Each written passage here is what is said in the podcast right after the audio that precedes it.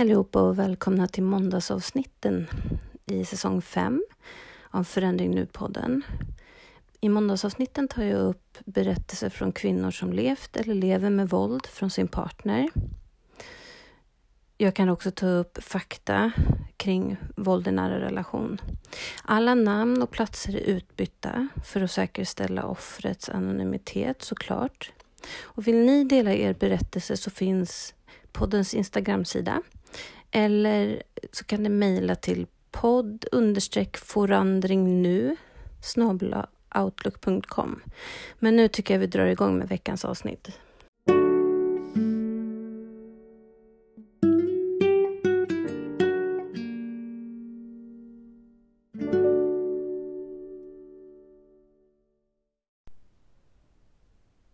I det här avsnittet så tänkte jag berätta om Lilly. Och som ni vet så är ju det ett annat namn än vad den här kvinnan heter i verkligheten. Allting byts ut så att kvinnor kan dela sina berättelser utan att oroa sig för förtal och liknande. Men nu sätter jag igång. Vi träffades via gemensamma vänner. Vi blev vänner först och umgicks tillsammans med andra under cirka ett och ett halvt år. Sen en kväll, efter my väldigt mycket alkohol, så hade vi sex första gången. Det var i juli. Då började vi umgås mer, bara vi två. Och I början av relationen så var allting bra. Han var jättesnäll och omtänksam. Köpte blommor, choklad, lagade mat till mig när jag kom hem från jobbet. Vi hjälptes åt med alla hushållssysslor. I september så, så flyttade jag hemifrån in till honom. Jag stod fortfarande skriven hos mina föräldrar men jag var hos honom hela tiden. Så här i efterhand så förstår jag ju att det var för att han ville ha koll på mig och alltid veta var jag var. Men det fattade jag inte då. I december förlovade vi oss. Och kom ihåg då, vi möttes i juli och i december så förlovade vi oss. Jag kommer så väl ihåg vår förlovningsdag. Vi bråkade hela vägen till butiken där vi skulle hämta ringarna. För att jag hade skrattat åt någon, någonting som hans kompis sa. I februari kom första smällen. Vi hade varit ute med hans kompisar och haft kul. Jag var nykter och jag var chaufför, som vanligt. Och precis som alltid så hade jag skrattat med honom och hans kompisar. Han kallade mig då för hora och att jag var så kåt på hans kompisar. När vi kom hem sent på kvällen skulle jag bara upp i lägenheten och hämta lite saker. Men jag blev fast där. Han vägrade släppa ut mig igen. Han tryckte ner mig i golvet, kastade in mig i väggarna, skrek och hotade med slag och att han skulle lämna mig. Efter flera timmars bråkande sa han förlåt. Då var han kåt och jag var tvungen att ställa upp på grund av vad jag hade gjort tidigare under kvällen, enligt honom.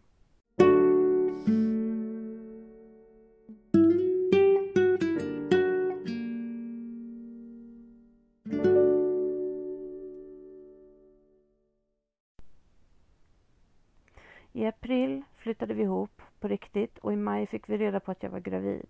Han var överlycklig. Jag var livrädd. Jag var 19 år. Jag ville inte ha barn. Inte då. Jag var inte redo. Men han berättade för mig vilken värdelös människa jag var som ens tänkte tanken på att mörda mitt eget barn. Så vi behållde det. Vid det här laget var det bara jag som jobbade. Bara jag som städade. Bara jag som tvättade.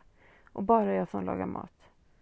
Det han gjorde var att slösa bort alla mina pengar på bilar, nöjen och alkohol. Han var ute varje helg och drack, kom hem mitt i natten och väckte mig och jag var tvungen att ställa upp och ha sex med honom. Annars blev han arg och slog mig. Det blev inte bättre ju längre graviditeten gick. Han fortsatte med sitt. Jag hade ingenting att säga till om. Ingenting jag gjorde dög åt honom. Han hittade alltid något att klaga på. Och så fort jag sa emot så var jag värdelös. Ingen tyckte om mig. Ingen ville umgås med mig. Jag skulle vara glad över att han ville ha mig. Och sa jag emot igen så kom knytnäven. Han hade även stenkoll på var jag var hela tiden. Tog det för lång tid att komma hem från jobbet så ifrågasatte han vart jag varit och vem jag pratat med.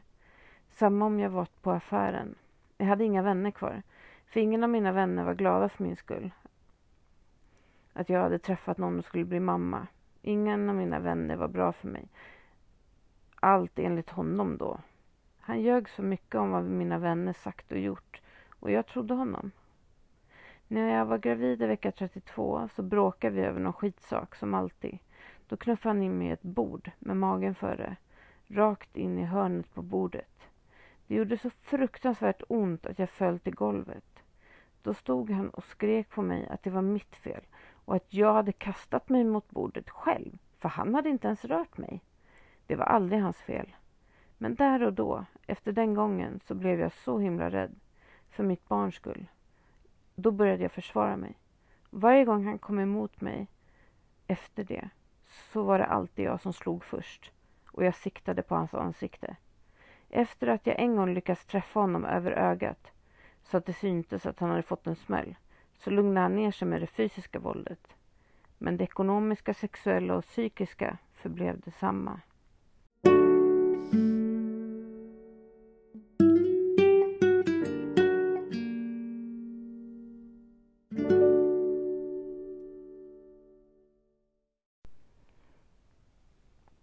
Han rörde inte sitt barn de första tre månaderna av hans liv. Hens liv, förlåt, jag ber om ursäkt. Det står hen. Han vågade inte ens ta i henne. Jag fick göra allt, både med barnet och med hemmet. Han jobbade inte och vi levde på min föräldrapenning. Han slösade bort allt på bilar och alkohol. Och jag kommer inte ihåg så mycket från den här perioden i mitt liv. Jag var nog helt förstörd. När vårt barn var strax över ett år så orkade inte jag något mer. Jag var så trött på allt bråk och jag mådde så dåligt över allt som mitt barn fick uppleva, se och höra att jag lämnade honom. Han höll mig kvar i sitt järngrepp tre år efter vi gått isär. Han kom fortfarande och knackade på mig när han var full och kåt och hade sex med mig mot min vilja. Han lånade pengar hit och dit. Han tog bara hand om sitt barn när det passade honom. Och det är nu snart sex år sedan jag lämnade honom. Och två år sedan jag blev fri. Riktigt fri.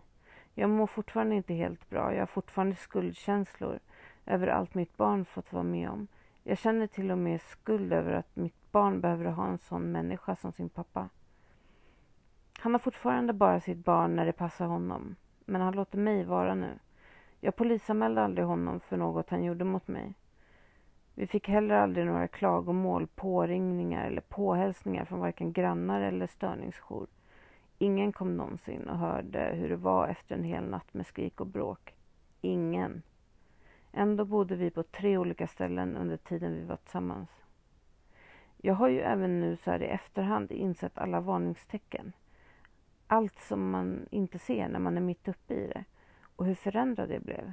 Jag var en helt annan person med honom. En person som hade dåligt självförtroende, dålig självkänsla. Och ju längre tiden gick, desto sämre mådde jag. Jag kan så här i efterhand tycka att allt, allt är så självklart och inte förstå hur jag kunnat gå med på det här. Varför gick jag inte efter första slaget? Eller varför gick jag inte innan det?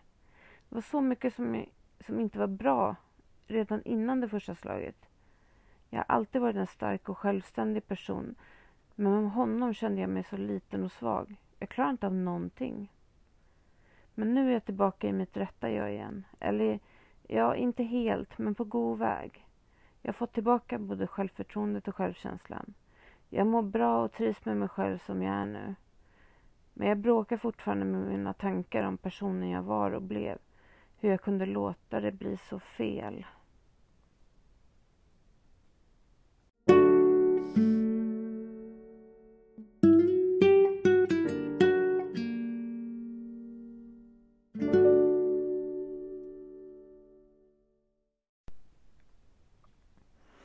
Jag känner fortfarande inte att jag kan lita på någon än.